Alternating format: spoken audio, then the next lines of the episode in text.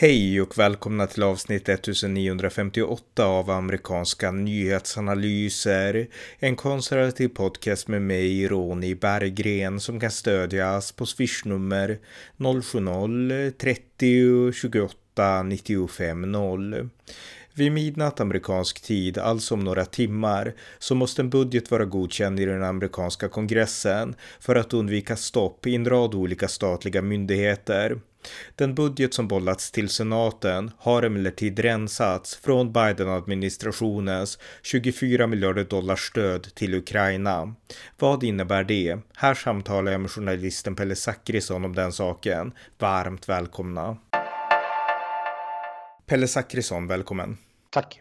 Nu i vid midnatt amerikansk tid, alltså om några timmar. Nu är klockan 24 här i Sverige, men i övergången till den 1 oktober amerikansk tid, då måste en budget ha röstats igenom i, av hela den amerikanska kongressen för att annars blir det regeringsstopp eller rättare sagt stopp i olika statsförvaltningar på grund av utebliven då budget, budgetering. Och eh, det här ser ut som att eh, det kommer att eh, bli en rysare, men framförallt så ser det ut som att stödet till, till Ukraina kommer att försvinna. Har du läst något om det här? Ja, alltså det som är, ah, det, det som är intressant då, eller det som det, prakt, det praktiska, man märker att folk som är anställda i USA, alltså militären kommer inte få betalt. De som jobbar som flygledare kommer inte få betalt. Och eh, det här innebär alltså att det kommer då ta eh, två, tre veckor in, innan det börjar märkas på allvar. Och, alltså det blir en gra gradvis process. Eh, vissa saker stängs ner direkt, till exempel eh, nationalparker och så vidare. Men det här att eh, människor som får sin lön, exempelvis militärer och så vidare, eh, det kommer ju slå väldigt hårt, särskilt med tanke då på att eh, vi har en inflation i USA, saker har blivit dyrare Eh, och ja, det, det, det är tuffare tider i USA helt enkelt. Så mm. Statsanställda det, kan få sina löner frysta alltså? Ja, ja. Och eh, det här, det här är ju det, det är ju politisk eh, mardröm helt enkelt. Och, och sen har vi ju då den här aspekten som är viktig för oss i Europa men även för hela världen. Att Ukraina inte då får eh, ytterligare resurser. Mm. Eh, vi kan dela upp det här samtalet i två saker. Dels det här då rent inrikespolitiska, alltså det här är en konsekvens av polariseringen i USA. Dels så är det republikanerna som inte vill att eh, demokraterna ska spendera så mycket, för de vill hålla budgeten liksom slimmad. Och dels så är det ett bristande stöd hos republikanerna i synnerhet för Ukraina. Men de här stoppen också, alltså regeringstoppen som de heter, de har ju eh, funnits och hänt, skett sedan ända sedan 1981, men framförallt nu de senaste 10-15 åren skulle jag säga. De tio senaste åren så har det här används intensivt som ett verktyg. Och eh, eh, det var ett stort stopp som varade 35 dygn 2018-2019, jag minns det mycket väl. Och eh, det här är ju politiskt verktyg som politikerna använder för att hamra på varandra. Och ofta så har det ju mest då, det kan ju få konsekvenser för hela världen, men ofta så är det inrikespolitiska frågor som är viktiga. Och nu såg jag ett inslag på eh, CNN tror jag, att eh, om det blir ett stopp i natt, då kommer, eh, det var någon djurpark som har kinesiska, alltså eh, USA har lisat kinesiska kinesiska pandor, eh, de här stora jättepandorna, och de ska skickas tillbaka till Kina och om det blir ett regeringsstopp så kommer djurparken att stängas så amerikaner kommer inte kunna få se de här pandorna innan de skickas tillbaka igen. Så att mm. det var en sån här lite kul grej. Men, men den stora frågan då, förutom det här eh, schackrandet som främst har varit med eh, ett antal eh, republikaner, Matt Gates från Florida till exempel, som har önskat sig en tuff linje mot Demokraterna, en tuff linje mot Biden och liksom krävt nedskärningar på olika områden och även då krävt att eh, stödet till Ukraina ska ta slut. Han har varit i en konflikt med sin egen liksom partiledare, Kevin McCarthy, som är Speaker of the House och sen så har det liksom bollats fram och tillbaka och Ja, nu har Kevin McCarthy skickat en, eh, ett budgetförslag som har bollats till eh, först hela kongressgolvet där man röstade igenom, man röstade för det här förslaget då med 335 mot 91 röster. Men det som gjorde det här då intressant det var att han fick söka hjälp hos Demokraterna för att få igenom det. Och eh, i det här förslaget så fanns det då inget stöd till Ukraina och eh, Vita huset vill ha 24 miljarder dollar i stöd och det fanns inte. Och det här har nu då bollats vidare då till senaten. Så att det är väl där vi är nu lite grann. Och, ja. Eh, ja mm. Nej, men det är ju också, det finns ju en bakgrund när, när McCarthy blev vald, då valdes han ju med ett svagt mandat. Alltså de ändrade ju då reglerna så att det skulle räcka med att, jag tror att det är en ledamot kan då väcka vacate share, motion to vacate share, alltså omröstning om att avsätta McCarthy. Och eh, sen finns det, det, det finns ingen ersättare. De pratar om Steve Scalise eller ehm, Jim Jordan, men ingen av dem är intresserade. Men Matt Gates kommer, jag är ganska säker på att han kommer nu när, när McCarthy då gör upp med Demokraterna kommer Matt Gates att eh, skicka in en anmälan om inte eh, Marjorie Taylor Greene eller eh, Boebert hinner före då. Mm. Men, äh, så att jag tror att det kommer att komma in, komma in en, en, en, sån motion att han ska avsättas som Speaker of the House.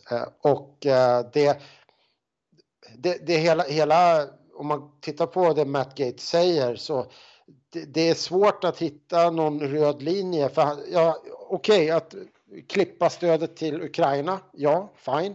Men sen så pratar han om att man ska balansera budgeten, vilket är helt orealistiskt för att han vill inte klippa han vill inte klippa de stora kostnadsposterna som är Medicare, Social Security och så vidare. Han vill ju inte reformera det. Utan Nej. det han pratar om det är liksom, ja men vi ska, vi ska inte ha något mer Eh, liksom, eh, vi ska inte gå med underskott något mer, vi ska liksom balansera budgeten. Mm. Ja, men hur då?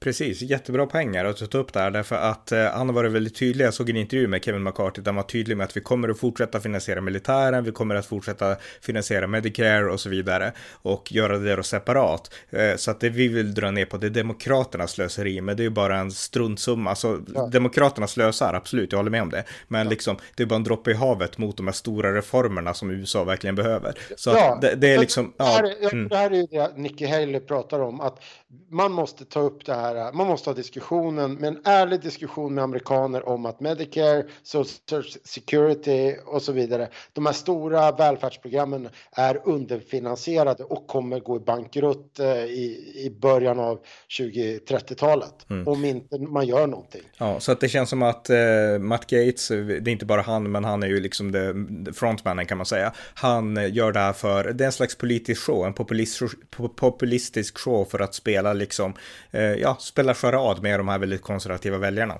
Ja, och, och sen såg jag en intervju då på Fox News för ett par dagar sedan med en, någon av de här företrädarna, eh, kongressledamöterna och eh, som blev intervjuad i Fox News eller om det var Newsmax och han får frågan, ja men eh, hur ska du då få igenom det här i senaten? Säg att du får igenom allting du vill ha då här i, i eh, representanthuset. Men hur, hur ska du sen få igenom det i senaten? Ja, då säger hans argument då. Det är, för det, dem, senaten är det, styrd av demokraterna. Då är hans argument den här eh, republikanen. Eh, då säger han så ja, när jag kommer in i ett rum då, då får jag igenom en deal. Alltså jag tittar på folk och jag går in i ett rum och then there's a deal. Och, och det, alltså han har inget annat argument. På mm. riktigt har han inget annat argument. Nej. Och det är ju så här, men vad då? Är, är det här, är det idioter vi har att göra med eller är det liksom eh, riktiga politiker. För att det, det är ju sånt där, det är liksom ett Kalle argument Ja, så, eh, så här, alltså realpolitiken, då är det ju bara alltså, trams det han säger. Men däremot så han lyckas ju, han bygger upp sin egen det, status, han bygger ja, upp sin ja, egen... Ja. Det här var ju inte Matt Gates, men, men det här var en annan eh, okay. företrädare. Okay. Så jag vill, mm. jag vill bara vara tydlig, det är Bra. inte Matt Gates som sa det här. Men, men det, det är så det, det, är bara nonsens. Mm. Så här, ja, men jag kommer in i ett rum och då vet folk att nu är det, nu blir det, nu är det en kille som menar allvar när han förhandlar. Mm. Men det var en republikan och ett, ett, ett i gänget liksom. Mm. Ja, ja, det var en i, i Gate-gänget. Liksom. Mm. Ja, ja, och, precis. Eh, ja, nej men de här republikanerna, så de bygger upp sin egen, eh, vad ska man säga för något, sin egen image för att verka tuffa i de här fiscal conservative-frågorna liksom. Men det är så mycket som står på spel och då menar jag inte bara statsstoppet utan framförallt då Ukraina. Och när då Kevin McCarthy nödgades ändå kasta ut det här till Demokraterna så han riskerar ju sitt eget speakership genom att gå till Demokraterna. Men han ansåg att det var värt det därför att han kan inte riskera ett regeringsstopp. Eh, då sa i alla fall, för det var eh, alla demokrater röstade för utom en demokrat och den demokrat som röstade emot Eh, det här förslaget, då, han heter, heter Mike Quigley och han röstade emot då för att det inte fanns stöd till Ukraina här och sa att, och han sa så här då på, på kongressgolvet att det republikanska partiet har blivit ett eh, parti av eh, Eh, ja, sådana här som är inställsamma och eh, pro-putinister sa han. Och eh, nu är vi tvingade till ett mycket farligt beslut om Ukraina ungefär sa han. Så att det som händer nu det är att det här budgetförslaget bollas vidare till senaten och där finns det också reservationer då för det här uteblivna stödet av, för, till Ukraina. Eh, men förmodligen så kommer de inte att våga liksom avfärda det här för tiden är så knapp. För skulle de avfärda det här så kommer det förmodligen att bli just eh, ja, ett regeringsstopp, stopp i olika statsdepartement och så. Så att eh, med största sannolikhet så kommer vi inom några timmar få se en färdig budget genomröstad som ser till att allt funkar, fortsätter funka liksom i alla fall i Eh, 45 dagar till eh, och eh, sen så ska det vara nya förhandlingar. Men där det inte finns något stöd till Ukraina. Så att alla som hoppas på att USA ska fortsätta stödja Ukraina ekonomiskt med de här 24 tänkta miljarder dollarna, de måste i så fall se efter andra lösningar, att man röstar igenom det här separat. Och det pratas om att det kanske kan göras nästa vecka i andra former av förhandlingar, men det visar ändå att det amerikanska stödet till Ukraina är väldigt skakigt. Får jag göra en liten kort utvikning om det här med stödet till Ukraina? Eh, för att det, det, är ju i den här diskussionen som har förts, ett av argumenten då som Matt Gates och många av de andra kritikerna till stödet till Ukraina har fört fram, det är att vi klarar inte ens av, säger de, att eh, hålla gränsen mot Mexiko. Och istället för att skydda gränsen mot Mexiko så ska vi hjälpa Ukraina att skydda gränsen mot eh, mot eh, Ryssland. Och eh, Marjorie Taylor Greene eh, härjade ikväll hörde jag eh, i en intervju om att, och, och liksom om att det var, hon antydde att det var fel att döda ryssar. Så att det, det är liksom, men men på, min poäng är det är att Biden-administrationen har ju klantat till det genom att man har eh, fubbat till eh, gränsbevakningen. Alltså att, det finns ett problem. Man har ju totalt bara vikt ner sig om gränsen. Det är mass, massinströmning av illegala över gränsen till USA från Mexiko varje dag. Mm. Och det gör att det gör ju att delar av den amerikanska allmänheten ser ju det här och då om en eh, politiker går fram och säger att ja men titta vi, vi, vi prioriterar Ukraina före våran egen gräns. Mm. Det är ju en falsk dikotomi, det går att göra båda. Men eftersom att Biden dessutom inte klarar av, jag vet inte om han är kognitivt nedsatt, men han klarar liksom inte av att föra en Liksom... Alltså om man säger så här, eftersom Biden inte kan gå och tala tuggummi samtidigt utan han snubblar så är det lätt att tro att han kan inte hantera två olika kriser samtidigt. Nej, men, han, nej, han, kan, han, han verkar inte kunna föra argumentet för varför USA det, det, är till gagn för USA att vara engagerad i Ukrainas framtid mm. på det sätt som Ronald Reagan hade land, landat hur lätt som helst. Ja, eller George W. Bush som höll ett strålande tal 30 minuter för några dagar sedan när han pratade med, jag tror att det var en delegation i Ukraina via videolänk och han berättade att det är av högsta vikt att vi fortsätter stödja Ukraina. Han var helt övertygad om att Putin hade inspirerats att gå in i Ukraina på grund av USAs uttåg ur Afghanistan och han förklarade att amerikansk allmänhet måste förstå att man kan göra två saker samtidigt och att det är i amerikansk säkerhetspolitisk vinstintresse intresse att stödja Ukraina. Därför att gör vi inte det så kommer nästa land att bli Polen och då kommer USA dras in, sa han, liksom automatiskt via NATO. Eh, så att eh, George W. Bush höll ett supertal om det här bara för några dagar sedan vill jag bara säga. Men det här är liksom, eh, ja, det här visar ändå som jag sa, alltså det här visar ändå hur eh, bräckligt stödet är. Det kan ju hända, jag hoppas det. Lindsey Graham och många andra säger att det här kommer vi lösa i ett senare skede, kanske nästa vecka, så att oroa er inte Ukraina, säger han. Och eh, även Biden-administrationen försöker trycka på det att vi ska lösa det här. Men det visar ändå hur bräckligt stödet är och jag menar, det här tycker jag signalerar till Europa att vi måste bli mer alerta, alltså mera redo att axla större ekonomiskt ansvar i USA ställe, för vi kan inte lita på USA eh, för evigt i den här frågan. Nej, nej, jag kan ju tycka, och det har jag nog sagt flera gånger i tidigare poddar hos dig, att eh, Europa borde tidigare på liksom gått in och slantat eh, mycket mer av, även om nu Europa bidrar, länder som Polen och även Sverige eh, bidrar ekonomiskt eh, ja, rejält, gör, gör, sin fair share.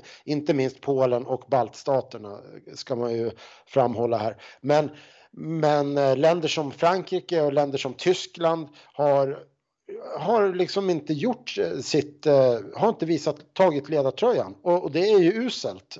Och de länderna och även andra europeiska länder behöver meddela amerikanerna att okej, okay, ni, ni har vapenstyrkan, vi ser till att betala för kalaset. Mm. Ja, ja, verkligen. För jag menar, Europa kan inte, jag menar Tyskland framför allt, de kan inte uppbåda något större militärt försvar, de har inte gjort något för den saken nästan.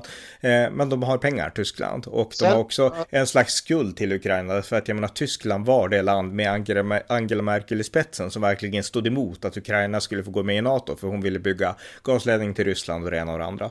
Ja, så här får man ju påminna om att det här Budapestavtalet som där, där då eh, Ryssland, och inte aktuellt längre då, men där Ryssland, eh, USA och Storbritannien lovade eh, Ukraina att man skulle eh, liksom värna deras säkerhet om de lämnade ifrån sig sina kärnvapen. Så att det finns ett moraliskt ansvar att, eh, att skydda Ukraina. Mm. Och, och det behöver man man behöver hedra det åtagandet. Mm. Ja, Europas sätt nu att kompensera sina egna misslyckanden, det är att liksom eh, resa sig nu när USA tar ett steg bakåt. Alltså nu vet vi inte det här med USA än, men alltså det, det här visar oavsett vad som än händer i natt, alltså hur skakigt det här är och att vi i Europa får inte tappa fokus, därför att det är mycket mer rationellt, man kan ändå säga det, för amerikaner att liksom tänka på andra saker än Ukraina. Men för oss i Europa borde högprion vara liksom att fokusera på det här. Så jag menar, även om kriget går dåligt för Ryssland så får vi inte glömma Ukraina. Det är liksom, det, det här är vårt europeiska ansvar. Det är väl lärdomen av den här kvällen tycker jag. Ja, verkligen. Och sen tror jag att oavsett nu hur det går så har eh, Republikanerna gjort en politisk förlust. Hade det stängt ner helt, då hade det varit en katastrof för Republikanerna för att då hade militärer militärfamiljer, bilder på militärfamiljer som inte får sin lön och eh, som tvingas eh, ta och, och, stå vid soppkök. Det är ju liksom en mardröm att republikaner inte Republikaner har ju det som en del av sitt varumärke att man är det militärvänliga partiet och att då ett woke demokrat, det, det woka demokratiska partiet då på något sätt ska vara med, värna militären mer. Det, det, det får ju inte hända. Så att, det, och det var, det var förmodligen ja. därför som Kevin McCarthy ändå skickade ut den här, liksom, det här budgetförslaget, trots att ja. han inte fick allt han ville, för att uh, han vill undvika det här.